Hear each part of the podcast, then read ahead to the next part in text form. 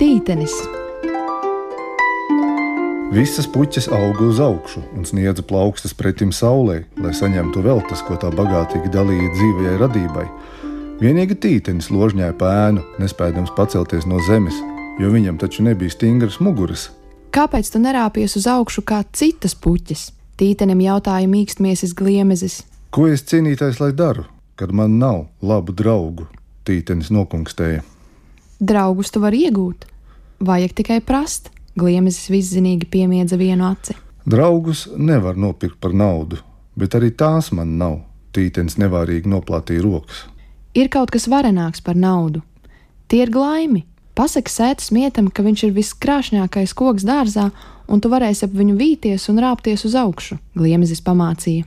Tītenis gan šaubījās, vai daudz pieredzējušais sirmgalvis sētas mietas būtu tāds plānprātīgs, ka noticētu tik rupjiem meliem bet varbūt pareizāk mēģināt pieglēmoties kādai sievišķīgai būtnei, tai pašai ievai. Zvirbuļi piečivina pilnas ausis par viņas skaistumu, un tā labprāt ļauj šiem delveriem ievīt līgzdi savu zaru padusēs. Ja neizdosies, nekas nav pazaudēts. Viņš pierāpoja pie ievas un saldā balstiņā izdevesa. Ieva, Ieva, cik tu skaista! Klīrīgā ieva izlikās viņu nedzirdam.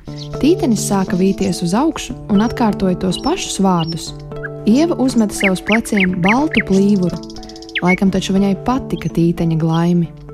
Tagad izskaties vēl skaistāka, tītenis jūsmoja. Pasaki man to pie auss, Ieva iesmējās. Un tītenis vijās ar vien augstāk un augstāk, līdz varēja iečukstēt ievai ausī. Tu, tu skaistākā starp ievām, Vairāk arī viņš neko neprata pateikt, bet tievai pietika ar šo nedaudzo vārdu, lai sāktu ticēt, ka tītenis runā no sirds. Kad ievai vējš norāva no pleciem balto plīvuru, tītenis aizmirsa pat šos nedaudzos vārdus. Nabaga ieva. Viņa ar ilgošanos gaidīja, ka tītenis viņu bildinās, bet, kad pienāca rudens, viņa aiz skumjām nokalta, un dārznieks viņu sazāģēja malkā.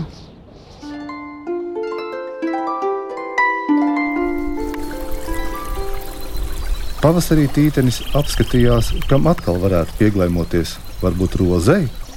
Nē, tā ir pārāk iedomīga, sprieda tītenis. Skaista jau ir, bet tavu asu mēli pateiks te vārdiņu, tūlīt kā ar dzeloni dabūsi pretim. Tītenis sadūšojās un tuvojās sētas mietam. Miet, klaumiet, viņš to uzrunāja. Es domāju, un nevaru izdomāt. A, vai tu ar mani runā? jautāja Miets. Ar tevi gan. Es tev gribēju teikt, A? es pakāpšos tuvāk pie tavas auss. Tītenis žigli sāka vīties uz augšu. Tagad tu dzirdi, viņš noprasīja. Tagad dzirdu. Es domāju, un nevaru izdomāt, kāpēc neviens nesaskata tavu krāšņumu un stiprumu. Vai sēta noturētos, ja nebūtu tevis? Tu taču esi visa dārza balsts. Manuprāt, tu esi ne tikai varens, bet arī skaists Panācies vēl uz augšu, glaimotais miets aicināja, un tītenim to tikai vajadzēja. Vienā naktī viņš uzrāpās līdz sēdes mieta galvai un kliedza tam ausīs tādus slavinājumus, ka vecītis pat apraudājās. Tu vienīgais mani saproti, šļupstēja miets. Tu esi mans labākais draugs, visi pārējie ir akli, pat dzēnieki, vai ir kāds veltījis man izjustu dzējoli. Ievas, kļavas, ozols Tos viņa apdzied un cildina, bet saki, vai tie ir par mani pārāki? Kur nu tītenis lišķīgi iesaucās? Un gadījās vēl tā, ka bērns ieraudzījis ap sētas mietu apvījušos tīteni iesaucās: Re, cik sētas mietam skaisti ziedi! Tu dzirdēji, no bērna mutes skanēja patiesība. Tītenis svinīgi apliecināja: Paliec pie manis uz visu mūžu, sētas miets krekstēja. Tu pastāsti visam dārzam manu lielo nozīmi, bet es tevi balstīšu, lai tev nebūtu jāpaliek ēnā.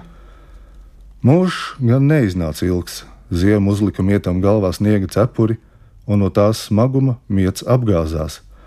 Tītenis neskuma par draugu bojāēju, bet sāka prātot, kam nu atkal pieglaimoties. Līdz pavasarim viņš bija izdomājis, un ticat vai neticat, vijās un tinās ap visresnāko ozolu.